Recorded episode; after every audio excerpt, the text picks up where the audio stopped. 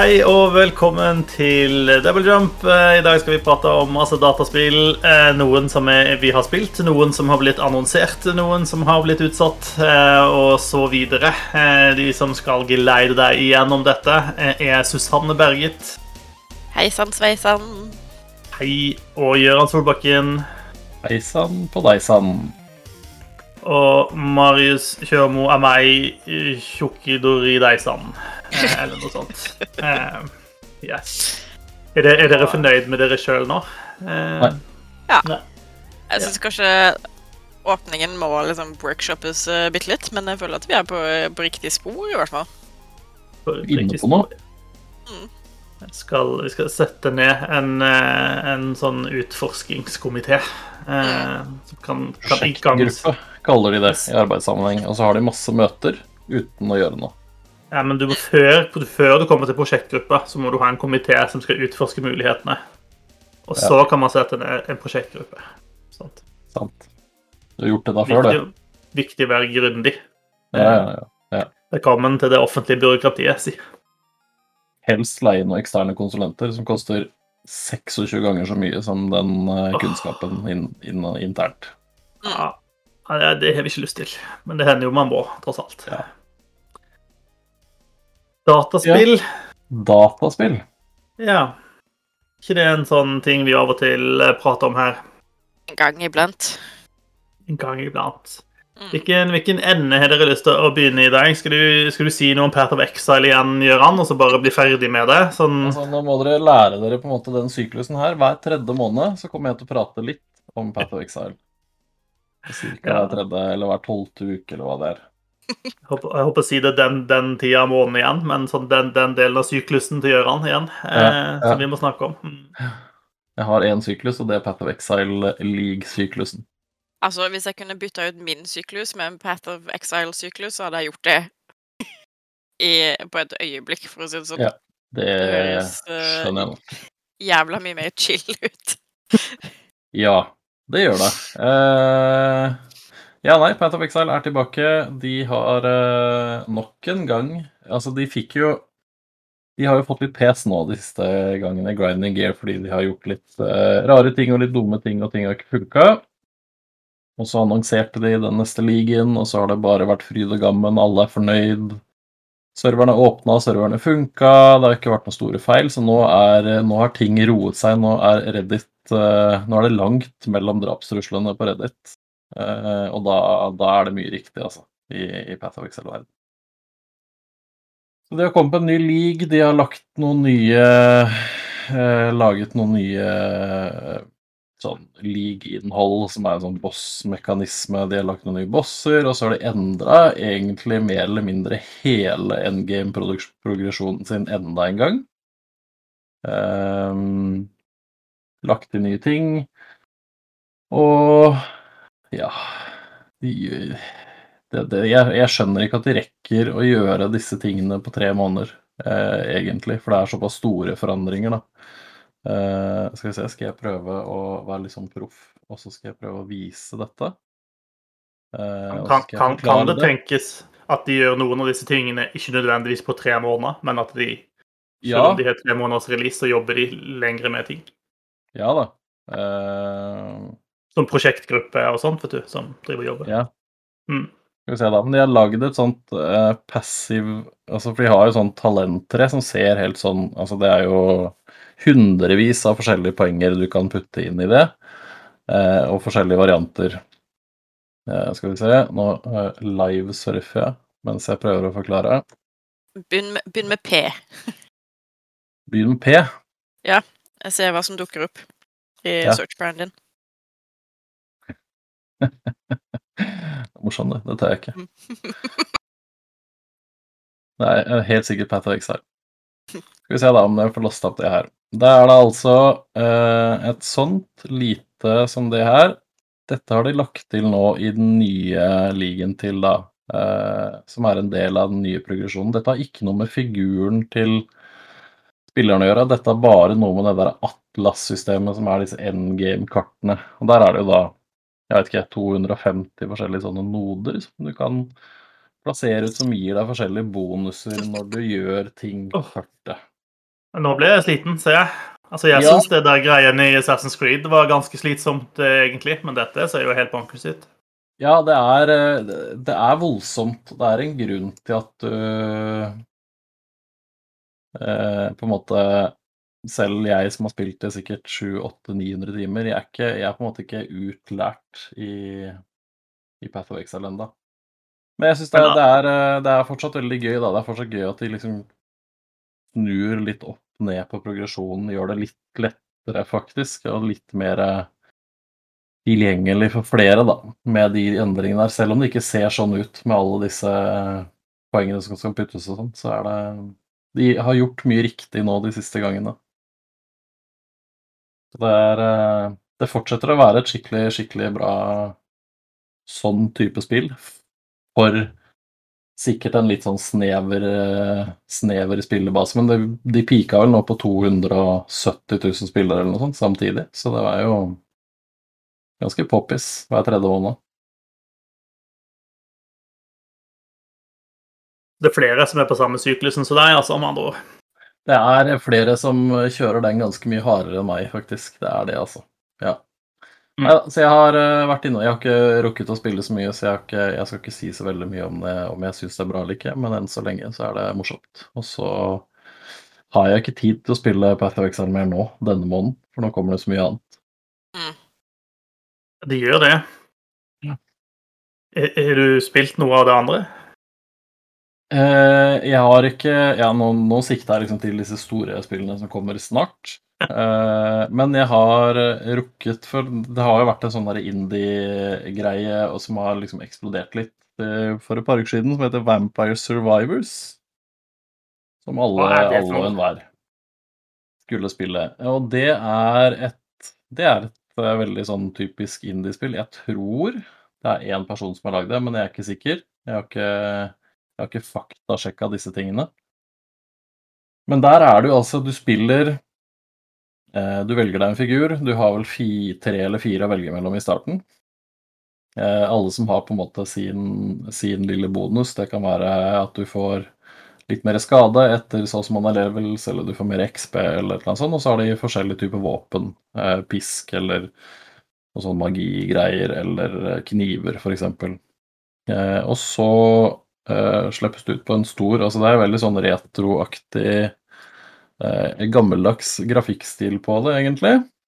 Um, og så er det egentlig bare ut på denne gressletta, og så kommer det monstre mot deg fra alle kanter. Uh, I starten så er de treige og lette, og så ikke så, ikke så fryktelig mange. Og etter hvert så blir de flere og flere og flere. Uh, når du dreper de, så får du erfaringspoeng, og du leveler opp evnene dine eller våpnene dine, eller du får nye ting. Eh, noen av disse fiendene eh, krever litt mer innsats for å drepe dem. Da dropper de en kiste med, som også da oppgraderer én eller to eller tre av tingene dine. Og så er det liksom sånn gameplay-loop at du blir hele tiden sterkere og sterkere, men det kommer også hele tiden vanskeligere monstre og mer monstre og sånne ting. Så kommer det litt sånn nesten som boss fights etter hvert også. Så poenget er egentlig bare å overleve lengst mulig, mens alle disse fiendene liksom bare kommer fra alle kanter mot deg. Det ser I, i, i den første greia, den første så tenkte jeg det her er, det kan være gøy. Det ser jo egentlig ganske kjedelig ut. Eh, men så kosta det 20 kroner på Steam, så tenkte jeg, vet du hva, det har jeg råd til. De 20 kronene, de kan jeg avse denne måneden. Ehm, så, da, så da kjøpte jeg det. Eh, det er faktisk ganske gøy. Eh, og det er ikke fordi det er noe sånn altså våpengreier og sånn Nei, Det er veldig sånn clunky, det er veldig stivt spill, men det er veldig gøy å prøve bare å komme lengst mulig. Det er en av sånn et, et eller annet med tempoet og den gameplay-loopen der, da, og balanseringen rundt liksom hvor, hvor vanskelig det er, og at du finner deg kanskje noen ting du syns er litt bedre enn andre, og så er du selvfølgelig litt avhengig av eh, å ha litt, litt hellet med deg i forhold til hvilke oppgraderinger du får, men det er skikkelig gøy hvis du først, først liksom får får et run som varer en stund, da, blir liksom da, da blir det jo hundrevis og sikkert flere fiender på skjermen samtidig. Um, Så det er en sånn veldig enkelt prinsipp og veldig, veldig enkelt spill, men allikevel så er det Jeg skjønner hvorfor det har blitt så populært, da, for det er veldig gøy. Det er liksom en eh, litt avsleppende og litt stressende sånn zen-opplevelse. Det er jo kanskje ikke en zen-opplevelse når det er stressende, men det er allikevel eh, gøy å bare slå av hjernen og slå på monstre. Det var, det var, faktisk akkurat det jeg tenkte når jeg satt og så på gameplayet. På, det var litt sånn Dette ser ut som jeg A. ikke har tålmodighet til, og B. kommer til å bli for stressa av på samme tid. Ja, men så er det um, Så lenge du ikke er veldig uheldig, da, uh, eller du konsekvent gjør dumme valg, og det skal de til, for du får stort sett ikke så mange forskjellige våpen å velge mellom. Jeg tror spillet Spillet er ganske flink til å liksom gi deg så du i hvert fall får oppgradert én eller to av våpnene dine hele tiden. Da. Det virker ikke som du bare får nye ting hele tiden. Så du, du holder deg sånn ganske jevnt god i forhold til hvor mange fiender som kommer. Mm. Selv om det liksom er altså Selvfølgelig så blir det vanskeligere og vanskeligere, men eh, de har greid å finne en eller annen balanse der da, på liksom vanskelighetsnivået og hvor fort det blir liksom verre i forhold til, i forhold til styrkenivået ditt. Og så er det samler du inn noen sånne gullmynter som kan brukes til å enten låse opp nye helter, eller så kan du på en måte gjøre figurene dine litt sterkere. Så du har en, en, også en progresjon som ikke blir borte fra gang til gang. Da. Sånn litt à la Hades, for eksempel, da, ikke sant? der du blir litt sterkere hele tiden. Så det er morsomt. Det er verdt de 20 kronene, i hvert fall. Eh, lett verdt 20 kroner. Og det er mye morsommere enn det det ser ut til. For det ser egentlig litt dølt ut. Ja. Så det har jeg spilt litt. Kjekkere å spille enn å se på. Eh, litt som tennis ja. der, altså. Ja. Litt som tennis. Eller golf. Ja. Jeg liker, liker, eh. liker, ikke å spille golf heller, men det er greit. Neida. Det er riktig at det er veldig kjedelig å se på, i hvert fall. ja. Eh, så jeg har spilt litt av det, og så har jeg så vidt jeg jeg eh, greide ikke å holde unna mer, så jeg disja ut og kjøpte Sifu i dag. For nå så jeg at nå var det så mange som skrøt av Sifu. Jeg hadde egentlig tenkt å bare la det vente til alle disse februarspillene hadde lagt seg litt. Um, men så hadde jeg noen uh, timer å slå i hjel, da. Så da kjøpte jeg Sifu og har spilt, uh, spilt meg gjennom første første liksom intro-oppdraget der og eh, jobbe meg i vei gjennom det første området. Eh, og det er dritkult. Mm. Enkelt og greit. Det er skikkelig, skikkelig kult, liksom. Og det er sikkert eh, Det er ikke sikkert jeg syns det er like kult hele tiden, for det er jævlig vanskelig. Du har veldig sånne tighte vinduer du skal liksom reagere på sånn innimellom, men eh, den flyten du liksom har vist i trailer og sånn, da, den, den, er sånn når du spiller. Det er så kult å spille det spillet som det det ser ut til eh, når du har sett videoklipp og sånn. Og kampsystemet er, eh, er skikkelig, skikkelig kult. Um, og det er litt sånn litt sånn rar kombo av um, Det er litt sånn rogelike-elementer her, i og med at du, altså hvis, du, hvis du dør, da, så våkner du, og så blir du eldre. Og så skal du jo greie på en måte en Nå skal ikke jeg si så mye om det, for det er jo en historie her òg som virker litt morsom. Eh, du skal på en måte greie å gjøre noe før du da sikkert blir for gammel og dør. Eh, så det er litt sånn Litt sånn uh, Ja, også litt, litt likheter med Hades, kanskje. Litt likheter med Hitman, egentlig, i at du, du lærer deg nivåene litt.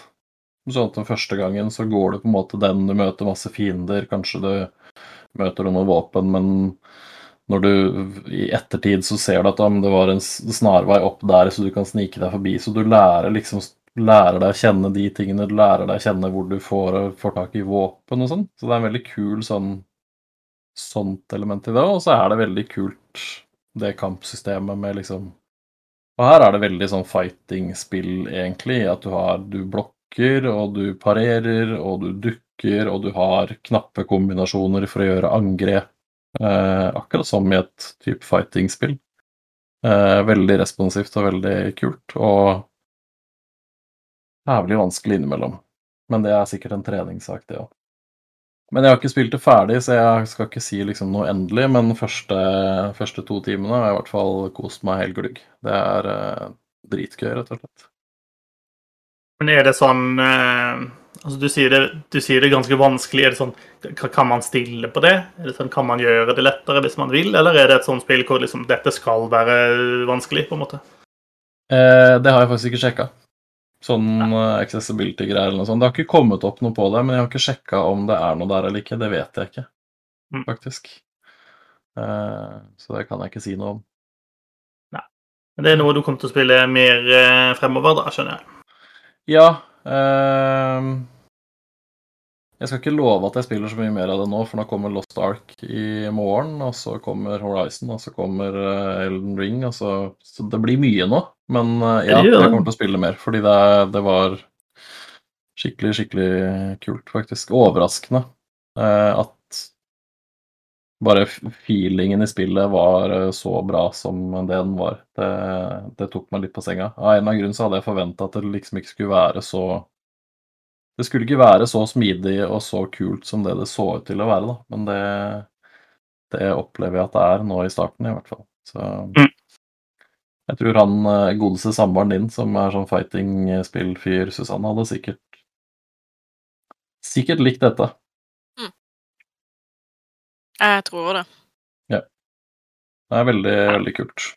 Så det skal jeg Det skal jeg komme meg gjennom når tiden eh, Tiden tillater det. Ja, men bra. Hvis, eh, hvis det kommer noen rare lyder fra min side av verden her, så er det altså ikke noen som torturerer en papegøye. Det er min datter som utsettes for leggetid. Eh, og hun har etter hvert klart å finne en sånn der en, eh, høyfrekvent eh, protestlyd eh, som hun lener seg veldig på akkurat for tiden. Eh, det, det skingrer godt i glassene innimellom her. Jeg gjør det her òg, altså. Det er stort sett meg.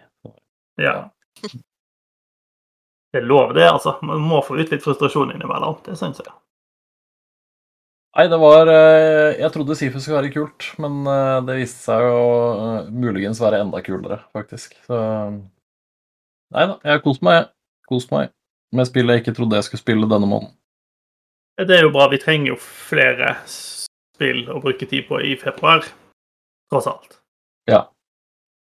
Eh, hva med deg, Susanne? Har du eh, begynt å klokke inn noe på februarspillene? Jeg har eh, lasta ned Lost Ark. Eh, Det er så bra at du har gjort det, ass. ja, eh, og det er så langt jeg har kommet på februarspillene, egentlig. Eh, jeg satser på å få spilt eh, i morgen, men jeg regner med at de første tre-fire timene går med til å finne ut av hvilken klasse jeg vil spille, og så eh, mekke denne karakteren. da. Jeg har jo skjønt at noen av klassene er liksom gender-locked, så man ikke kan spille hva man vil, og det er litt irriterende. Eh, for jeg har lyst til å spille Berserker, men det, jeg tror kanskje de bare er menn. De er det. Mm. Det er en sånn rar greie, det der med sånne Øst-Asia-spill innimellom, at det låser, låser sånne ting. Men jeg tror nok jeg skal finne noe som er akseptabelt, holdt jeg på å si. Eller gøy å spille. Berserkeren har et veldig stort sverd, da. Det veier jo veldig opp, Veldig stort, liksom. tenker jeg. Det ser ut som han kompenserer for et eller annet. Garantert. Ja. um, og så bortsett fra det, så har jeg eh, begynt på That's uh, Door. Dette lille slåssespillet med eh, hvor du spiller en kråke som reiser rundt og samler inn sjeler. Som kom ut i fjor. Eh, og det er bra at holdt jeg på å si, den kråka er så søt, og musikken er så avslappende. For hvis ikke så hadde jeg hevet kontrollene inn i TV-en for lenge siden. Åh, Maken til Mist, mistenkte meg at det var eh, omtrent den setningen som kom. Ja, altså, maken til frustrerende spill.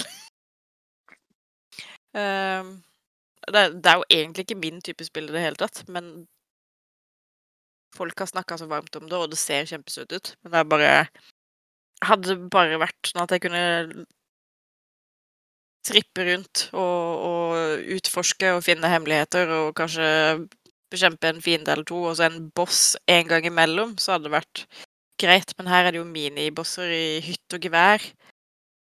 Og jeg syns de er så vanskelige. Det er liksom, jeg er ikke vant til å spille den type spill.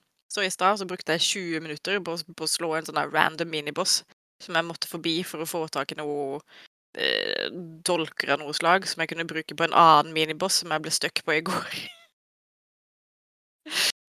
um, Jeg så det har du koser deg, eh, ja, så det har vært noen eh, frustrerende eh, dager her i Svartberget-heimen. Men det er veldig søtt, da. Eh, det skal jeg ha. Føler eh, Er det en egen sjanger søte spill hvor man skal samle inn sjeler? Jeg føler at det, det, var, det begynner å bli en trend. Ja. eh, Det begynner å bli en del av de. Det er- snart sin egen sjanger, det. Her er det vanskelig, da. Det er vel den store forskjellen. Ja. Det er litt eh, Det havner eh, litt mer i Kena-leiren enn i Spiritfair-leiren, for å si det sånn. Mm. Så jeg får se hvor uh, hvor langt jeg kommer før jeg må kaste inn håndkleet og bare innse at eh, jeg er for dårlig på at spill er spill. Rett og slett. Jeg klarte ikke helt å fange opp om du anbefalte spillet eller ikke. Ja. Ja. Den er grei. ja. Ja. Plasserer seg fint inn i de spillene der det er vanskelig, og du mister, du mister veldig mye hvis du Altså, vi mister ikke så mye hvis du gjør, men du må på en måte gjøre veldig mye av de samme tingene. Da er jeg litt sånn Litt sånn som eh, Hollow Night eller ja, altså Hades for så vidt. Det er ikke en roguelike på den måten, men det er allikevel litt samme følelsen da når du dør. ja. Det er liksom Når du dør, så må du traske hele veien tilbake og bekjempe de samme fiendene du pløya deg gjennom i stad. Eh, det eneste som er positivt, er jo at du ikke mister disse pengene dine som du kan bruke til å kjøpe oppgraderinger med. Nei. For det er jævlig frustrerende, fordi oppgraderingene er jo svindyre. Jesus Christ. Mhm. Man skulle jo tro at man slapp unna kapitalisme i etterlivet, men det gjør man ikke. Det er verre der enn noen ganger, virker det som. Ja. Ja, det er veldig fint. Jeg syns det er veldig kult. Det er veldig gjennomført sånn stil og, og stemning, altså atmosfæren i hele spillet og sånt, syns jeg er veldig, veldig kul. Jeg må få spilt mer av det på et eller annet tidspunkt. Jeg liker det veldig godt, men jeg er jo en sucker for sånne slemme spill som det der. Jeg føler omgivelsene og karakterene er veldig, veldig Studio Ghibli. på en måte. Sant? Så det er, det er mye å like ved det, eh, bortsett fra selve gameplayet. Som jeg syns Av er og- av og- helt jævlig. Av og til en viktig komponent i et spill, men eh, ja. Yeah. Musikken er god nok, så Mm. ikke så farlig. Ida. Noen, noen spill er bedre å se andre spille enn å spille det sjøl. Mm. Kanskje vi kan ha en sånn eh, stream Vi kan sette opp en sånn støttegruppe hvor Gjøran eh, spiller spill som vi andre ikke er flinke nok til å spille. kan vi se på. Mm. Når Sånn Elden Ring kommer, eh, Gjøran, da samles ja. vi. Ja, da skal, jeg, da skal jeg benke meg i sofaen uh, sammen med Susanne Odd. Jeg skal Odd få lov til å ta de vanskeligste bossene. Kan jeg sitte og juble. Høres bra ut. Mm. Var det, var det det du har vært eh, innom siste uka, Susanne? Ja. Ja. Jeg, ja, eh, jeg har liksom pusla videre i i Cozy Grove, for det er jo et spill man faen meg aldri blir ferdig med. Eller nå Jeg begynner å liksom se lyset i enden av tunnelen, uh, as it were. Eh, jeg har funnet den aller siste bjørnesjelen, og, driver nå med de liksom siste avsluttende oppdragene. Eh, jeg har fiksa båten min, så jeg teknisk sett kan dra hjem når som helst. Eh, men jeg vil jo gjerne fullføre 100 før jeg sier sjalabais og stikker min vei. Så det er liksom det det har gått i. Og så har jeg lasta ned et spill, men ikke fått spilt det ennå. Et tysk indiespill som visstnok har vunnet en del priser i, i, i Tyskland. Jeg tror det heter jeg vet ikke, Unforeseen Incident eller et eller annet sånt. Historiedrevet eh, spill hvor du skal finne ut av hvorfor folk i en landsby blir syke, eller noe greier. Jeg vet da fader. Eh, Skal du, samle inn sjelene deres? det kan godt være. Eh, det skulle ikke forundre meg om at jeg har last om at har lasta ned enda et sånt spill. Men det har en veldig kul stil. da, Veldig sånn um, tegne... Tegneserieromanaktig. Da gleder vi oss til å høre mer om det, og om hvilken eh, karakter eh, du lager i Lost Ark. Mm. Ja, men bra. Eh, jeg har starta på, på, på et av disse februarspillene. Eh, for jeg diska ut uh, hva enn et fullprisspill koster nå om dagen, uh, og kjøpte meg Dying Light 2 for noen dager siden. Uh, og har vel fått en sju, åtte, ni timer der et eller annet sted i det så langt. Um, det er et spill som eh, du ikke trenger å rushe i, fordi dette er et stort og omfattende spill eh, som du kommer til å trenge tid på å sette deg inn i, har jeg funnet ut etter hvert. Um, jeg spilte ikke Dying Light 1 så fryktelig mye, så jeg skal ikke si så veldig mye om, om hvordan det på en måte forholder seg til hverandre. Um, Storymessig så spiller du Jeg tror du er den samme karakteren som du var i enen. Eh, du er i hvert fall en pilgrim. Eh, og eh, det blir etter hvert færre og færre steder på kontinentet som er trygt å være på. Og du havner da ganske tidlig inn i den store byen som er der det meste av handlingen i dette spillet vil foregå. Eh, og de introduserer ganske mange forskjellige mekanikker, de, men de gjør det ganske sånn slowly. Så selv om jeg har spilt, spilt en 8-9 timer i spillet, så dukker det fortsatt liksom opp og ja, nå introduserer vi den tingen til deg. Eh, og så kommer det opp en sånn pauseskjerm der de forklarer hvordan dette henger sammen, og så må du liksom holde inne en eller annen knapp for å bekrefte at du har skjønt hva det er de fortalte deg. Ja. Ehm, men ja, Dying Light 2, eh, det er en verden der zombiene herjer. Eh, og der menneskene prøver å overleve, ofte med å være kjipere enn zombiene, er mitt inntrykk. eh, Som det jo ofte er i sånne, sånne spill. Det er jo veldig fokus på disse bevegelsesmønstrene i dette spillet. Det er parkouring eh, kombinert med slåssing med zombier og andre skurker. Um, og det er jo kanskje det som mest skiller dette fra andre spill i tilsvarende sjangere. Um, så parkour-biten er ganske gøy. Den, den er ålreit i starten, og så blir den bedre mens du på en måte leveler opp og får flere skills, sånn at du kan på en måte unlocke mer parkouring. I begynnelsen så er det litt sånn løpe og hoppe er det du kan, og så lærer du deg etter hvert at du kan wallrunne, og du kan hoppe lenger og høyere.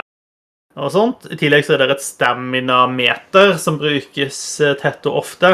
Eh, litt som i Breath of the Wild, sånn hvis du klatrer, klatrer for lenge Mens du klatrer, så teller staminaen din ned, og så faller du hvis ikke du har nådd toppen innen, innen du har gått tom for stamina. Og så recharges den nesten med en gang du bare får, får fotfeste et sted. da.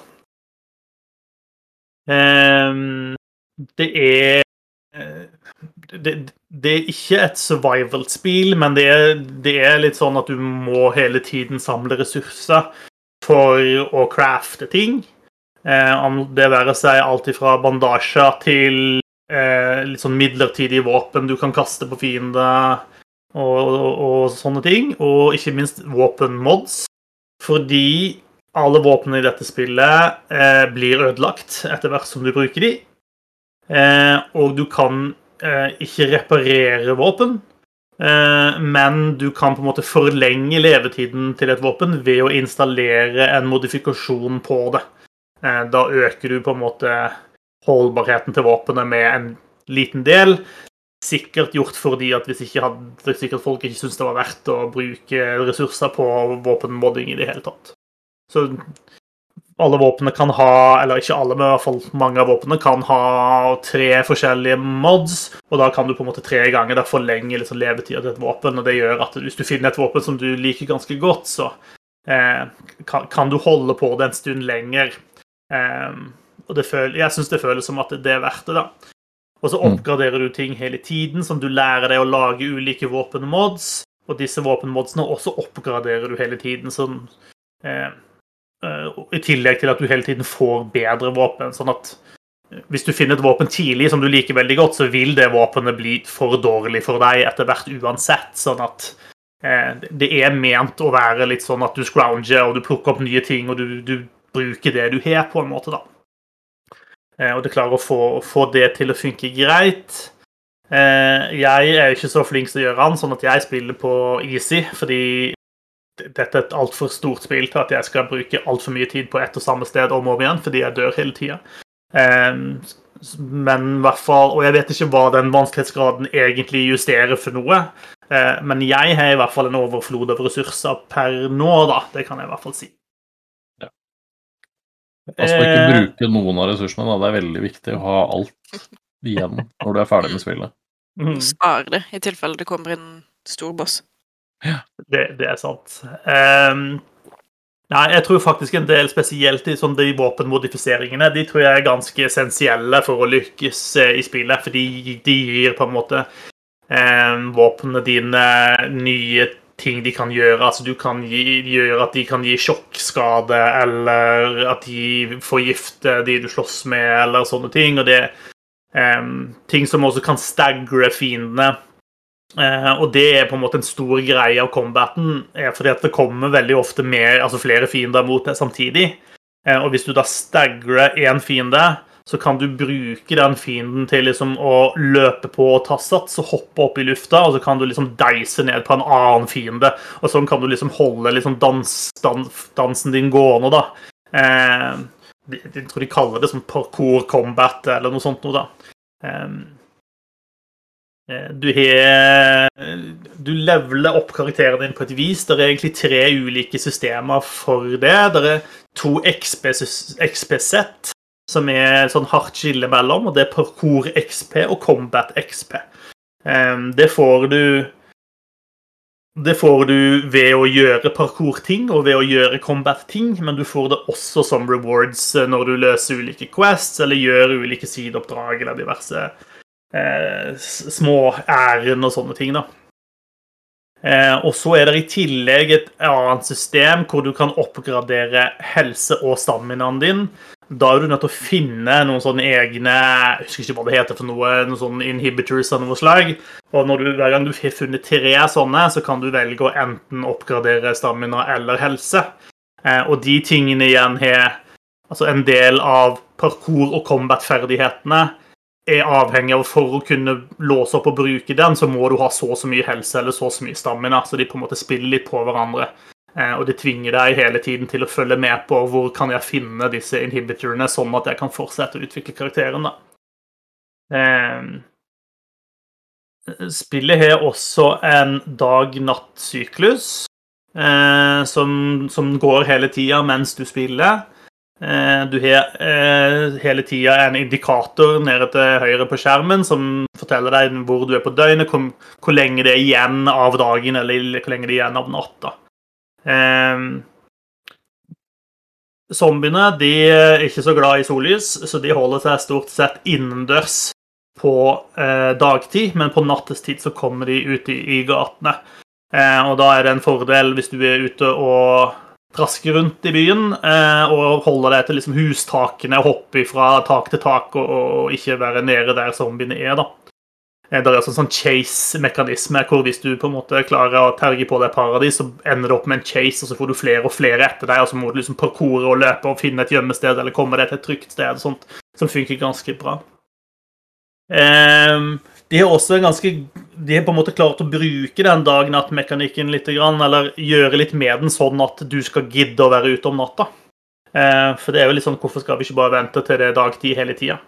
Det er jo fordi at eh, en del av questene og en del ressurser og en del ting du ønsker å gjøre, finnes innendørs. Og der er det litt dumt å gå på dagtid, for da er det fryktelig masse zombies inne. Så det er sånn hvis du skal ned i et eller annet høl og finne et eller annet eh, viktig, eh, så vil du kanskje vente til nattestid med å gjøre det, sånn at zombiene som henger der inne, går ut. Så kan du snike deg inn, og så vil det i hvert fall være færre av de der inne, da. Eh, I tillegg til at det er en rekke oppdrag som er spesifikke, sånn du må være natt eller dag for å gjøre dette.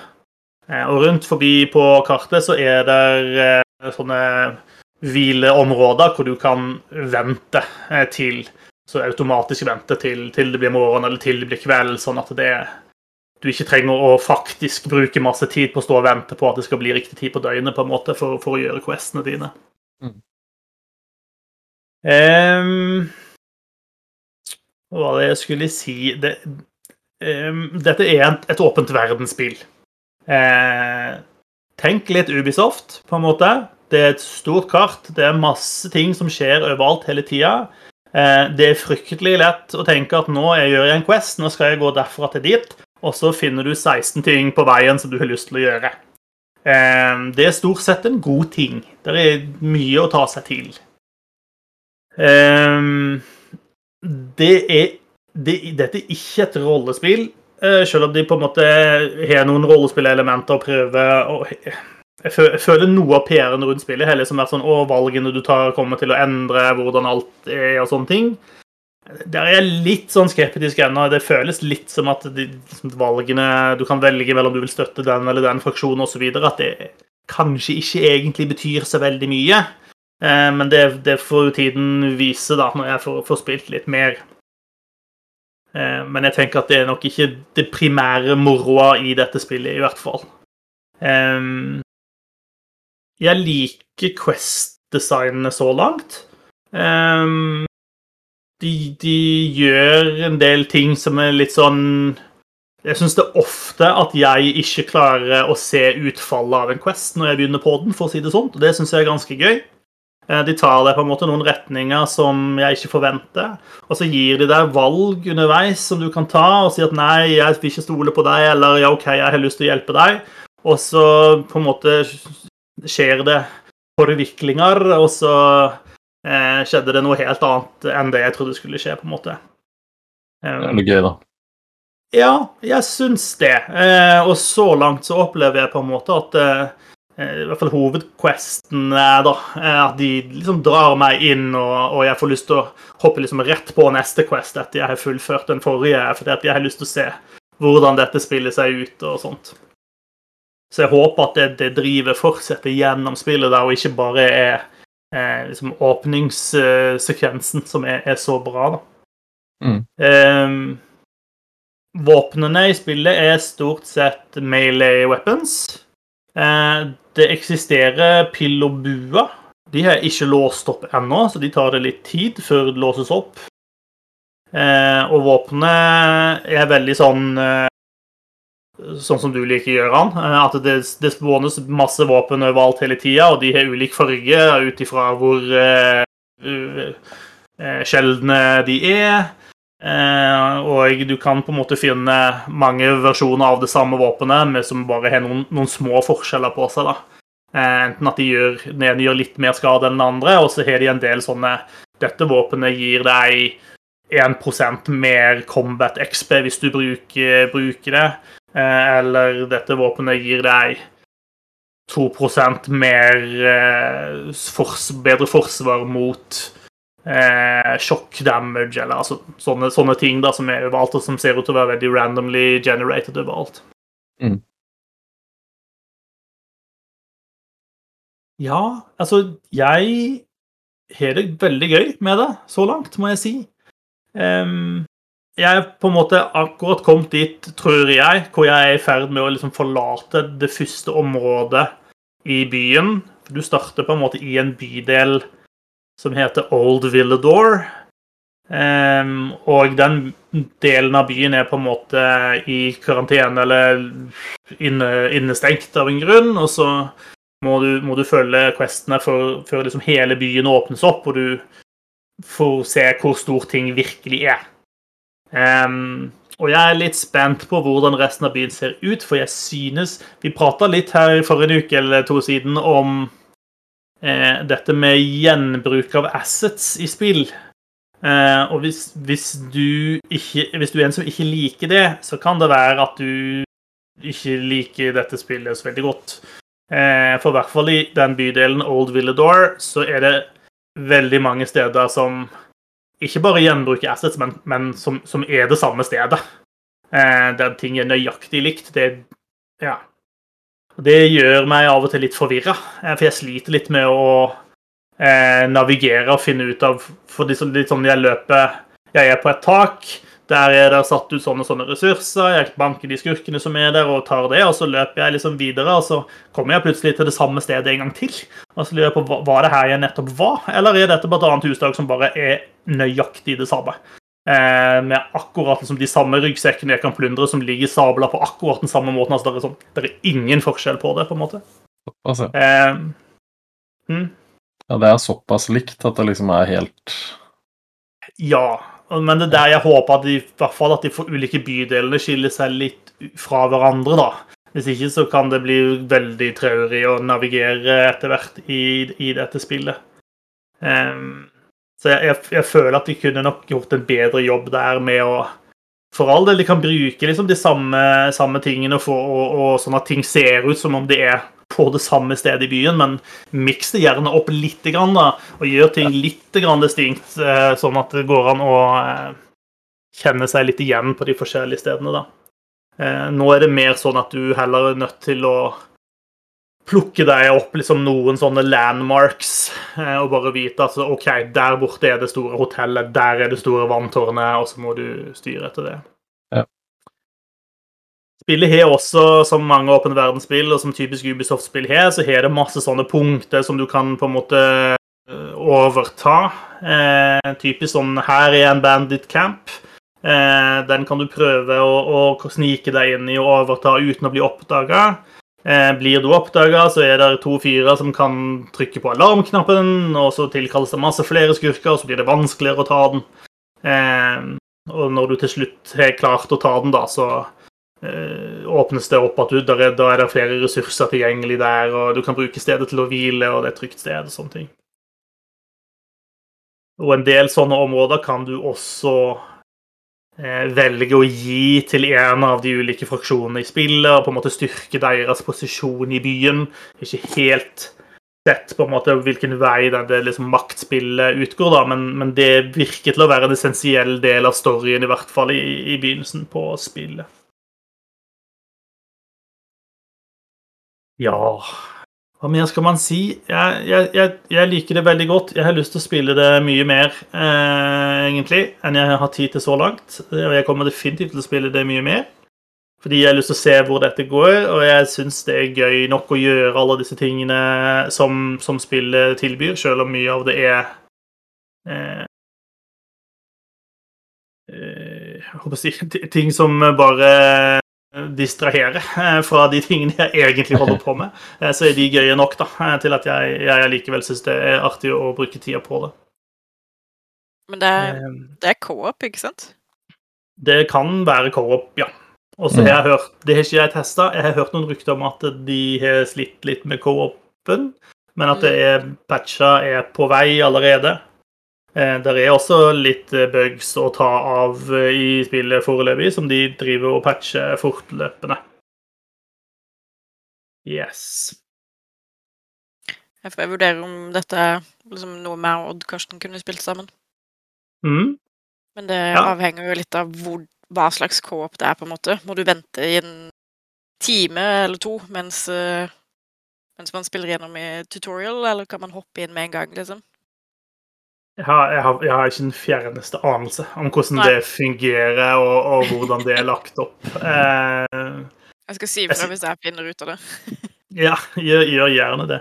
Jeg, jeg, ser liksom ikke helt for meg sånn umiddelbart eh, altså, hvordan det vil funke med story, en del av storyoppdragene. For de er, er liksom veldig sånn at eh, nå er du plutselig plassert et sted alene med så og så mange fiender og sånne ting. Eh, og akkurat hvordan de tingene fungerer i, med liksom co-op, tenker jeg at blir et stretch da, i forhold til storyen. Eh, men, men, jeg tenker alle de andre tingene rundt i den åpne verden som du går og gjør, og sånt, de tror jeg vil kunne fungere kjempefint i co-op. Så nei, jeg er spent på å høre egentlig hvordan, hvordan det fungerer. Det er en sånn derre Jeg har sett en sånn der, det er en sånn call for help-modus Eh, som jeg har sett. Og den kan du på en måte, tror jeg du kan stille til at venner kan komme og hjelpe deg, eller at du kan få inn random strangers til liksom å komme og hjelpe deg. Og så kan jo de selvfølgelig gjøre alt annet enn å hjelpe deg også, hvis de vil det. Men, men jeg har ikke lekt noe med de, de tingene der. Jeg, jeg vil ikke ha fremmedfolk inn i spillet mitt, takk. Hmm. Men nei, så langt anbefales. Visstnok du må spille gjennom introen og tutorialen på en time eller to, og så er det åpent for co. Mm. Bare mm. resten. Cool. Ja. Skjønner. Greit å få det unnagjort før man eventuelt skal streame det. Ja. Kan sikkert være fordeler.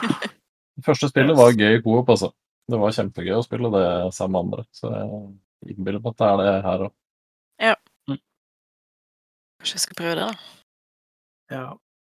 Nei, jeg, jeg syns det er veldig gøy, og samtidig så er det litt sånn eh, Det er et eh, på, på, på, et av oppdragene i, i, tutorialen, da, helt i starten, så skal, må, må, du reise til et sted der det er en sånn radiotårn, eh, fordi du må koble deg til en radio og kontakte en eller annen person.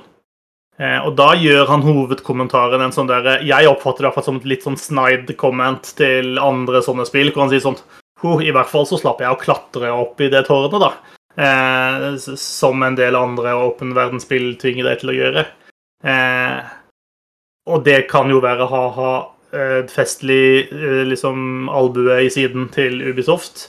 Og så spiller du på en måte en time lenger, og så finner du ut at dette spillet har spredd rundt forbi overalt i denne byen er det da vindmøller som du må klatre til toppen av for å liksom låse de opp. Så det er litt sånn Ja, det, du gjør akkurat det du prøver på en måte å ikke kom her og prøv å gjøre narr av åpen verdensspill når det er akkurat det du er. på en måte. Det, det, det er veldig klassisk åpen verdensspill, dette, bare med parkour. Ja, og zombies. Eh, så det er på en måte den bevegelsene, måten du slåss på, eh, og liksom den dag-natt-syklusen med, med, zombier og sånne ting, som, som skiller dette nevneverdig fra andre spill av den typen, vil jeg hevde, da. Yes. Gleder meg til å prøve det. Jeg likte jo det første spillet ganske godt. Så mm. Nei, jeg er veldig spent på hvor det går videre. Og jeg er veldig spent på når jeg kan få den forbanna pillebuen, fordi at det hadde vært veldig praktisk etter hvert.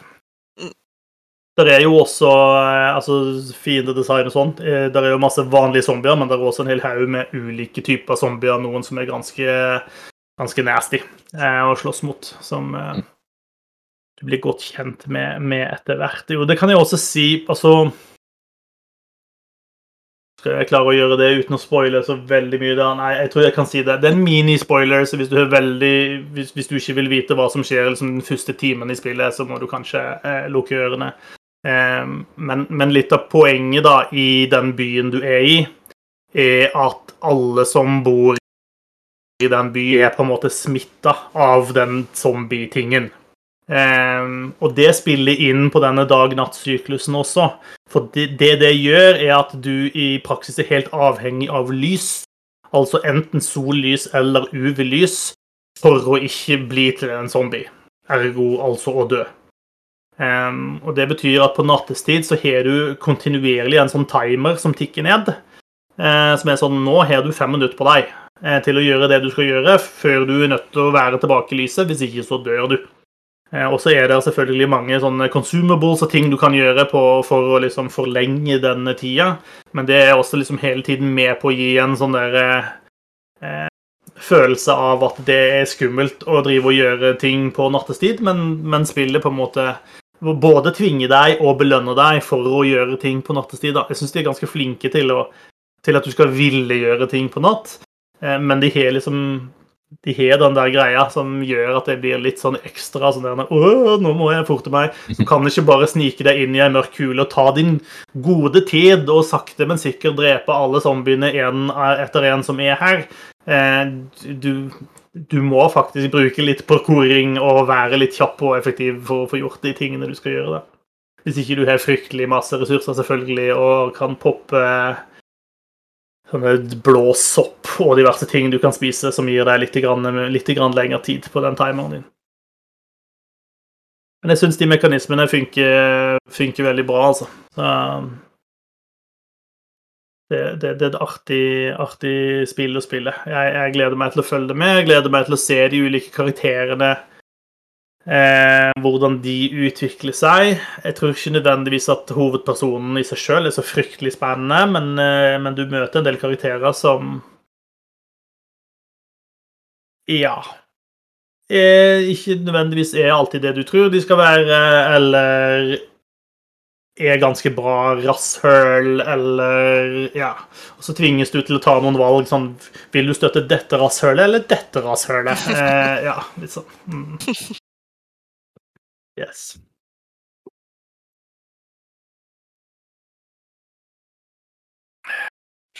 Jeg gleder meg til å prøve. Ja. Det er recommended så langt, og så skal vi nok prate mer om det seinere når vi har, fått uh, kommet ordentlig inn til, uh, til kjernen i, i spillet. Mm. Men uh, den der nyhetssaken som kom for et par uker siden om at du kan bruke 500 timer på dette spillet, sikkert ikke så far off, altså. Jeg tror det er mye innhold her. Eh, og ting respawner hele tida. Fiender, loot, everything respawner hele tida. Om det er med dag-natt-syklusen eller sånt, nå, det kan godt være, men i hvert fall. Eh, enda en ting som gjør det vanskeligere å vite om det var dette taket du var på i stad, eller om det er et nytt et, fordi tingene er tilbake igjen, liksom. Ja. ja. Nei, vi prater mer om Dying Light 2 uh, seinere, men uh, så langt eh, så liker jeg veldig godt det. Og kommer til å kaste meg over det med en gang vi eh, legger på eh, røret til denne episoden, for å si det sånn. Mm. Det er stort sett det jeg har spilt i det siste. Så jeg tenker vi kan hoppe videre til nyhetene. Fordi GTA 6 er offisielt confirmed noe som Rockstar jobber med. Så det var superoverraskende, men det er jo artig å få det bekrefta. Um, det er i active development, sier Rockstar, og det er well underway, uh, hva enn det betyr. Det betyr at folk cruncher for harde livet. En måte å si det på, bare. Kan, kan ja. godt være. Det vil si, eh, GTA 6 er vel ikke bekrefta, men et det neste spillet i GTA-serien er bekrefta, bare for å være helt pinlig nøyaktig her, da. Altså, er det en DLC eller et eller annet? det kan jo være en, eh, en, eller annen prequel, eller who knows. Ja, Fan, hvis Mobilspill. Hvis det er en Trevor spin-off, så kommer jeg til å dø. Det hadde vært den beste nyheten i hele verden. Trevor er konge. Mm. Oh. Spill som Linke-spillet. Altså han, han kissen i Bully vokste opp og ble Trevor, liksom. Ja, noe sånt. Mm. Ja. Rockstar Law, vi trenger å utvide universet. Mm. ja.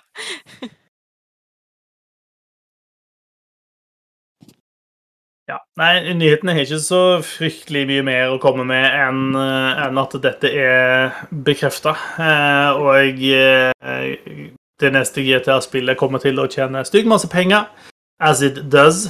Eh, GTA 5 tror jeg fortsatt tjener masse penger, spesielt på online-delen. Tror jeg det bare ja, ja, ja. inn hele tida. Så hvem, hvem trenger sånn der en pengetrykkmaskin eh, når du har GTA? Sjukt. Yep. Så når det kommer, who knows? Eh, Men det er i hvert fall bekrefta at det kommer. Så kan vi se frem til det. Eh, Noe annet som kommer, er Warcraft til din mobil. Yay! Yeah. Også det vet vi jo ikke helt Vi vet jo ikke helt hva det er, eh, for det er vel ikke bekrefta liksom, Er det World of Warcraft som kommer, eller er det et spill i Warcraft-universet som kommer? Vet ikke helt, men i hvert fall et eller annet. Et eller annet Warcraft-relatert kommer på mobilen. Ja. All new mobile Warcraft content. Vi vi gira for uh, hyped for Warcraft content på mobilen. Ja, altså Helt ærlig, da, så er Diablo Immortal da, på mobil er et Det er et bra mobilspill. Det er det, altså. Det er bra, det er et bra sånn Diablo-spill på mobilen, men Så ikke, man skal ikke se bort ifra at en eller annen Warcraft-variasjon, altså variant der, at de også greier å få til det, men Så det er jo liksom ikke det Blizzard trenger nå, da. Det er ikke det, Nei. men det er jo usannsynlig mye penger i å få, få til et uh, halvveis vellykka mobilspill. Så er jo det du tjener penger som om det ikke skulle vært noe annet. Så jeg skjønner jo at, at man prøver å dytte det over på den plattformen. Og det Så- kan jo, altså de pengene kan jo igjen gå inn i utviklingen av gode PC- og konsollspill. Ja, ja. Så nei, altså det, det er jo eh, Mobilspill er jo litt sånn uglesett. Det er jo ikke eh, De kule gamerne der ute liker jo ikke mobilspill. Det er litt sånn bullshit, syns jeg, som spiller mye mobilspill og skriver om det hver måned. Eh, det er fryktelig mye gode spill på mobilen, men det er, også, det er, det er veldig mye dårlig òg. Jeg skjønner på en måte den kritikken, men jeg vet ikke, jeg skal ikke dømme Blizzard før de liksom kommer med noe, men jeg veit ikke helt hva de liksom ser for seg. Eh, Warcraft type sånn strategigreier. Jeg tror ikke det blir noe mobilopplevelse av det store, liksom. Så ja. jeg Vet ikke. Så langt så er det vel bare Hearthstone som på en måte er, er Warcraft på mobilen. Ja, Det er riktig. Det funker jo bra på mobil. Det er jo vanskelig Ja, ja. å mene noe annet.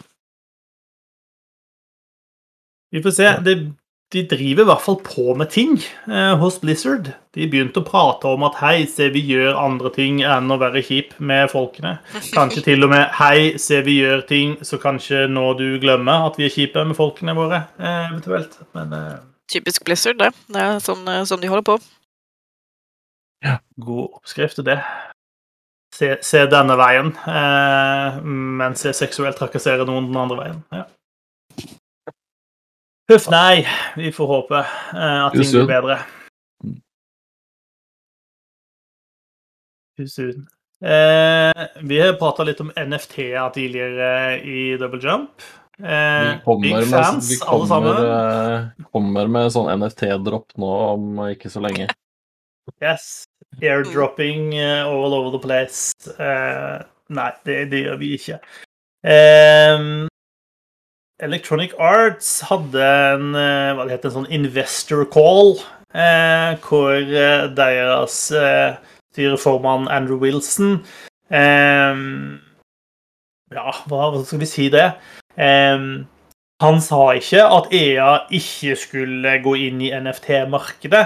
Eh, men han sa heller ikke at 'yes, dette skal vi kjøre på med'. Eh, han sa noe sånn som at eh, de fortsetter å evaluere NFT-er over tid, men at akkurat nå er ikke det et fokus eller en prioritet, var det han sa. Og det er litt vanskelig å tolke hva det egentlig betyr. For det kan godt være at det betyr at de er klar til å trykke på NFT-knappen med en gang eh, de tror at dette begynner å bli sånn halvveis stuereint, eh, og de ikke blir liksom spikra opp etter veggen for det. Eh, Jeg vet ikke. I hvert, I hvert fall har de ikke slått på stortromma og sagt at vi skal være hodet først, førstemann ut i dette. sånn som f.eks. Ubisoft har gjort.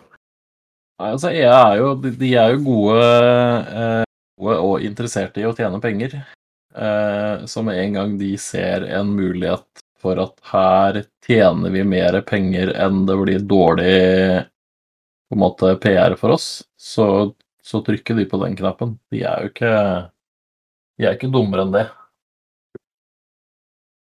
Nei, det er nok helt rett i. Det, og det er nok, dette er nok matematikk. Det er nok regnestykker for de. Eh, jeg kan aldri tenke meg Altså, igjen, Fifa Ultimate Team, som tjener de GTA-penger, eh, liksom.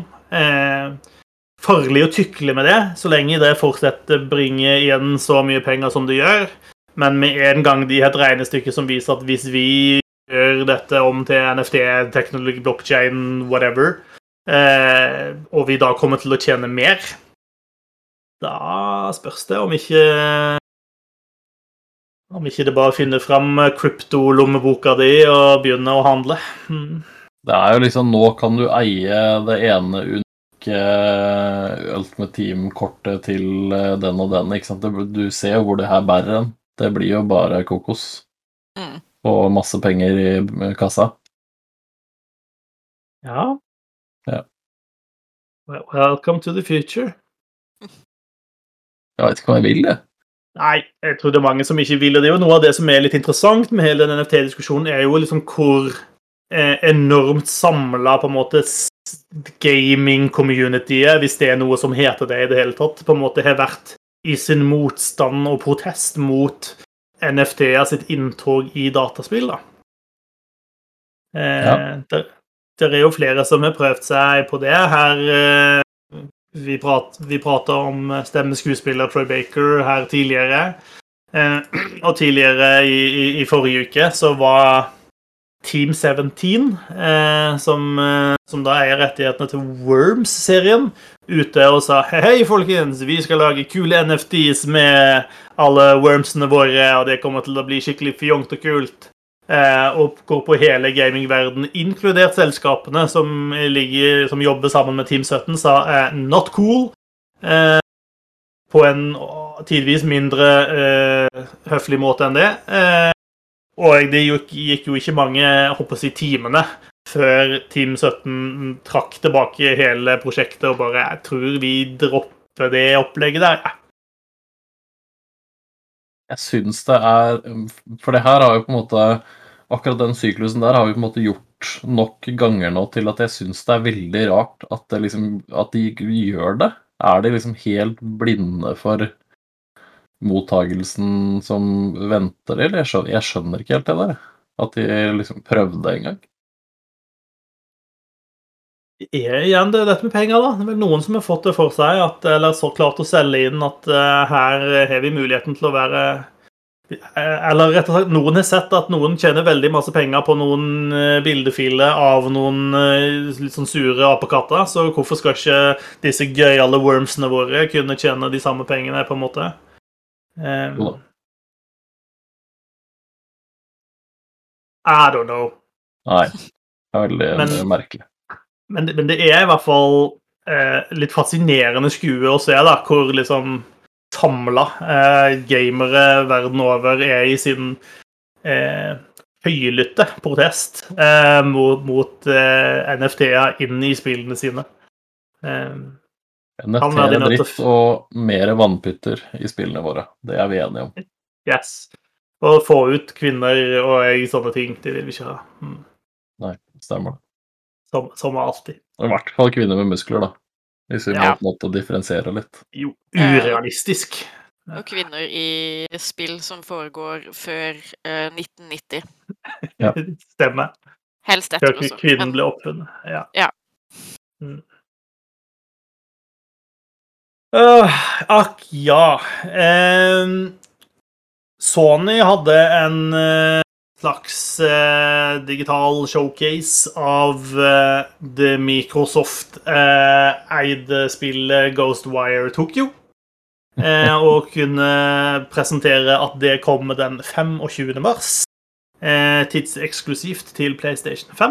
Eh, og alt tyder på at det er veldig verdt minst ett år da, med, med eksklusivitet på det spillet. Som var en avtale som Betesta gjorde med Sony før de ble kjøpt opp av Microsoft. Eh, det På denne showcasen så blir det også vist frem eh, ganske mye av spillet. Jeg tror det ligger sånn 20 minutter med, med gameplay eh, ute, som du kan gå og se hvis du vil se litt hvordan, hvordan det ser ut. Um, jeg syns det spillet ser eh, mindre skummelt ut enn jeg kanskje frykta det skulle være. Um, Ja, jeg tror det er mer sånn eh, rart og action-ish enn det var uh, guffent og spooky. Det ser litt gøy Ja. ut, da. ja, og så ser det litt sånn åpen verden ut. Ja. jeg. Så det var noen som, det var noen som sammenlignet det med Watchdogs. Jeg vet ikke om det var en god, godt salgstriks, men eh, ja, to, kanskje. Da kan vi være med litt på det. ja. Nei, jeg veit ikke. Jeg synes det, det så litt sånn weird ut, og litt sånn vanskelig å få helt Jeg veit ikke, men eh, Det er ikke så mye som ligner på det, da, hvis man skal si det på den måten. Det ser veldig unikt ut. ja. Og så Ja. ser det veldig rart ut. Ja. Eh, og den karakteren du spiller, han bruker masse forskjellige typer spells og skills, og han skyter med pil og bue, og det er elementer hvor du sniker deg inn uten å bli sett, og tar ut fiender eh, stealthily. Ja. Rar, rar, rart opplegg, rett og slett. Men Ja. potensielt eh, gøy likevel. Ja. Sjekk, sjekk det ut eh, på, på nettet om du ønsker. Jeg tror de ligger på Sony sin offisielle YouTube-konto, among other places. Eh, Suicide Squad Kill the Justice League. Eh, the Justice League eh, er angivelig utsatt til 2023. Mm.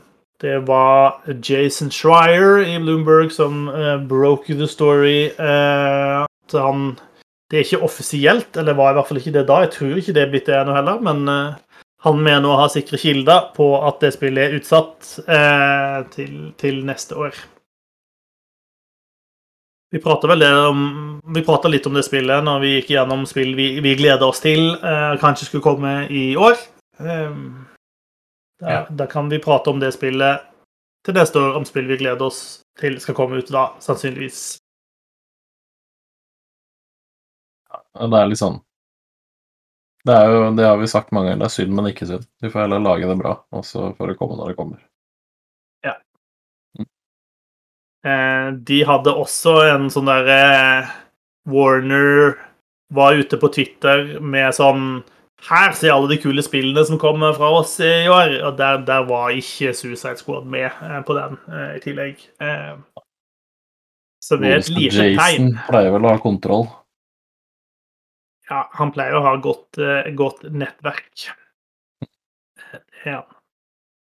Eh, helt til slutt en litt sånn Vi prata jo om at Sony hadde kjøpt opp Bungie.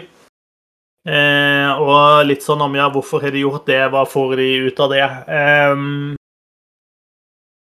der har altså Nå kan ikke jeg mine forkortelser godt nok, men eh, en fyr som er Sony sin ex Executive Deputy President og CFO.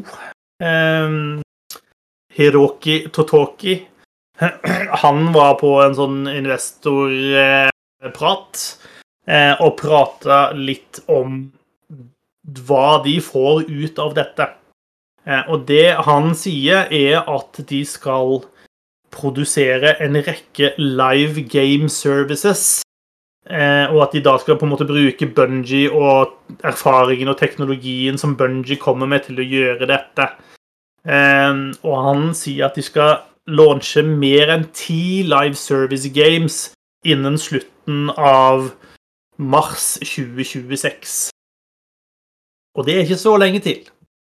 Eh, og jeg tenker at det høres jo ut som en, en ny vei for Sony å gå, på sett og vis. Eh, vi har på en måte blitt vant med Sony sin strategi de siste årene. Det har vært liksom å lage gode, solide enspillerspill. Eh, og litt sånn contained experiences. Eh, mens nå skal de, i hvert fall i tillegg til det, da, Eh, om ikke istedenfor, så i tillegg til satse på eh, mer live service, altså Destiny-aktige spill eller ting i den kategorien. Eh, hva det var det sitatet var for noe, da? Eh, incorporating into the Sony Group the expertise and technologies that Bungie has developed in the live game service space. We intend to utilize these strengths when developing game IP at PlayStation Studios as we expand into the live game service area. Ja. Vi vet jo ikke noe mer om hva det kommer til å bringe, men uh, hva tror dere? Er det, en, er det et skifte i fokus, eller er det bare nå skal vi fokusere på flere ting samtidig? Hva, hva, hva er strategien deres her? Det, det, det veit ikke helt. Jeg syns det høres veldig sånn For de skal da slippe typ ti spill på Det er to og et halvt spill i året, da, fra nå. Og så har vi ikke hørt noen ting om det i det hele tatt enda. Det høres veldig, veldig ambisiøst ut. Så det er liksom spennende å se hva de egentlig legger i live service games. Da, hva, hva ligger innunder den paraplyen der, liksom? For de kan jo ikke slippe, de kan ikke slippe ti Destiny-spill. Typ. Altså av den størrelsesordenen der, da. Um, så jeg veit ikke. Kanskje det jeg vet ikke hvor mye, hvor mye av Marvel-tingene Sony har under, uh, under vingene sine, med Spiderman-spill og sånne ting. Kanskje det kommer noe sånt. Live service game. Avengers krasja jo hardt. Så de har jo masse IP-er å ta av, eh, mm. så du kan jo selvfølgelig få Her kan du jo slenge på Gears of War og eh, jeg håper si alt mulig rart av ting de har liggende, hvis de, hvis de ønsker å lage nye ting ut av det. Eh, de, jo også, de, nevner jo også, og det har vi også pratet om tidligere, at Bungie også har ah, nye IP-er i gang, på en måte, som de allerede driver og jobber med, eh, som ikke er Destiny. da. Jeg vil jo anta at det er en del av den pakka som han, han prater om. da. Men jeg syns det er ballsy å gå ut og si det. Jeg sier ja, vi skal slippes ti nye sånne spill innen, innen 2026. Ja. Eh, det er litt sånn Er det er, er, det sant? Er det sånn er, det, er, dette bare for å roe investorer og, og, liksom stabilisere aksjeprisene og sånt? liksom At eh, slapp av, her vi skal gjøre masse gøy, eller eh, Eller er det et signal på at eh, vi planlegger å kjøpe opp flere utviklere som driver med disse tingene, som skal gjøre dette for oss, eller? Ja, kanskje. Altså eh, Bunchy har jo altså Du kan si hva du vil om Destiny, da, men det har hatt, Destiny har hatt en lang, lang levetid med relativt høy og stabil spillebase også. Så de har jo på en måte de, de, kan jo det der. De vet hvordan de skal porsjonere ut innhold, de vet hvordan de skal liksom gjøre den type spill, da. Men jeg, jeg, jeg, jeg syns det er rart at det liksom at det skal bli et sånn type spill der, for er så, de er så store. da, Det er så store investeringer, det er så store jobber, og så skal de slippe typ to av de i året nå. Eh, det, jeg syns det høres urealistisk ut. Jeg, jeg, greier ikke helt å se for meg det, hvordan de skal løse det. da. Nei, men kanskje vi må tenke, vi må tenke litt altså et, et, live game, altså Fall Guys er et live game service, på en måte. Eh, ja. Og, og, og, eh, uten til forkleinelse for Fall Guys, men det er jo ikke Destiny. Eh, vi vil jo anta at investeringene som lå bak det utgangspunktet, var noe lavere eh, enn Destiny. Sånn at fordi om det er et live game service, så betyr jo ikke det at det skal være trippel A, det dyreste, flotteste, mest fancy du kan få. Noe Nei. av det skal kanskje være det, men kanskje ikke alle. Nei. Among us i 4K. Yes. Ja, nei, Det blir spennende å se. Det er, uh, Om ikke annet så er det i hvert fall uh, gøy med høyembur. Det er det. Mm. Så er det gøy at det uh, jeg synes Det blir spennende å se hva Bunch jobber med, syns jeg. da. Eh, mest av alt i forhold til det at de liksom har nye ting eh, de driver og koker på. Det syns jeg er spennende, da, fordi Selv om jeg ikke har spilt Destiny på en stund, så er det holy shit, jeg har spilt i mye av de spillene. Mm. Det blir spennende å se hva de, hva de koker fram, for det er helt sikkert Ett av de ti, spill, ti spillene er sikkert, eh, er sikkert Bunchie sitt. Nye. Det, det vil jeg tro. Og kan, kanskje flere av de, til og med. Ja, ja. Um, det blir spennende. Jeg syns generelt det er, det det er en spennende tid eh, å følge med på spillbransjen eh, om dagen. Eh, Jeg ser det er flere kommentatorer som eh, tar til orde for at vi nå er inne i en, eh, en tid hvor vi kommer til å se flere og flere sånne oppkjøp og konsolidering i markedet.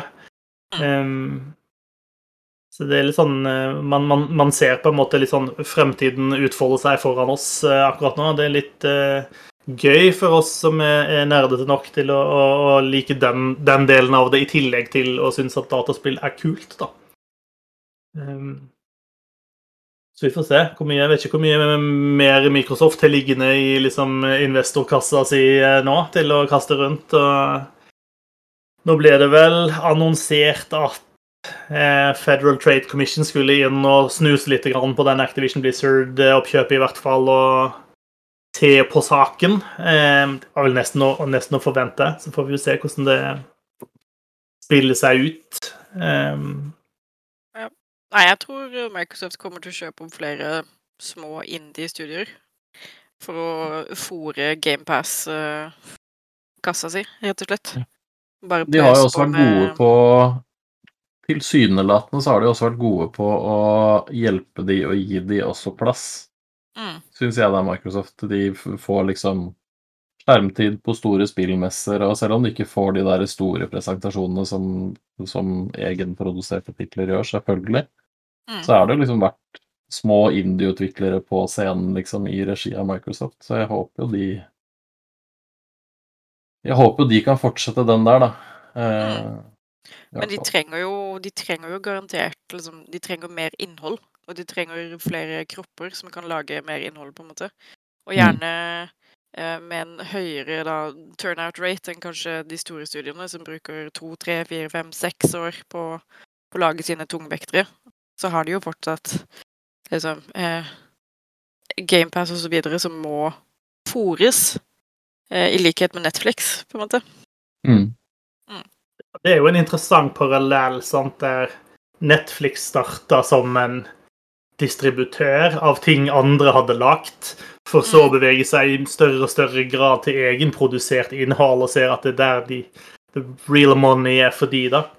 Eh, om det blir, blir tilsvarende her. Altså, Xbox og Microsoft har jo hatt dette programmet sitt, var det ID et Xbox, er det det det, det heter? Hvor de har støtta masse indie-utviklere, men de har på en måte fortsatt vært helt uavhengige eh, og har kunnet sjøl eie IP-ene sine og kan gi ut spillene også på andre plattformer enn en Microsoft sine. og sånt da.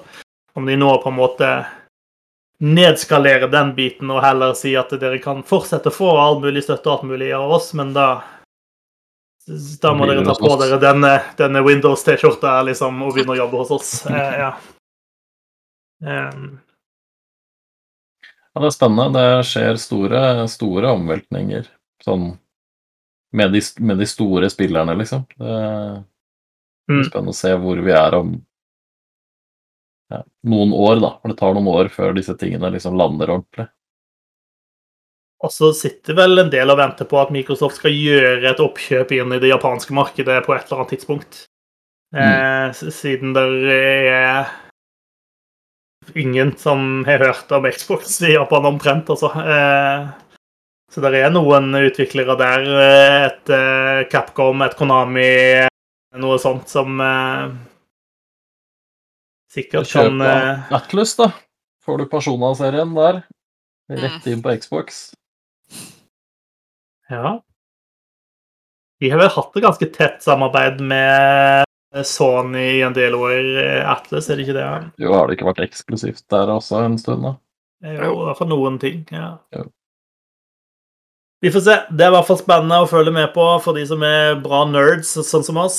Ehm, satser på at vi eh, får noe av slikt å prate om allerede neste uke. Vi får se. Eh, vi kommer sikkert til å prate mer om Dying Light 2 neste uke, og jeg vet ikke hva annet som er rett rundt hjørnet. Det begynner i hvert fall å rulle ut en god del spill, eh, så vi får se hva vi får eh, kaste oss over. Lost Um, Ark, baby. Blir hele uka, da. Ark. Yes. Stort sverd, mann. Hoi. Det var kjekt at du var med oss eh, denne knappe halvannen timen. Eh, fra Gøran, Susanne og meg sjøl, og også Håvard, som sitter sjuk i Twitch-chatten og vinker til alle, så sier vi takk for at du fulgte med oss. Eh, Og på gjenhør om en ukes tid. Hei så lenge, da. Ha det. Hei!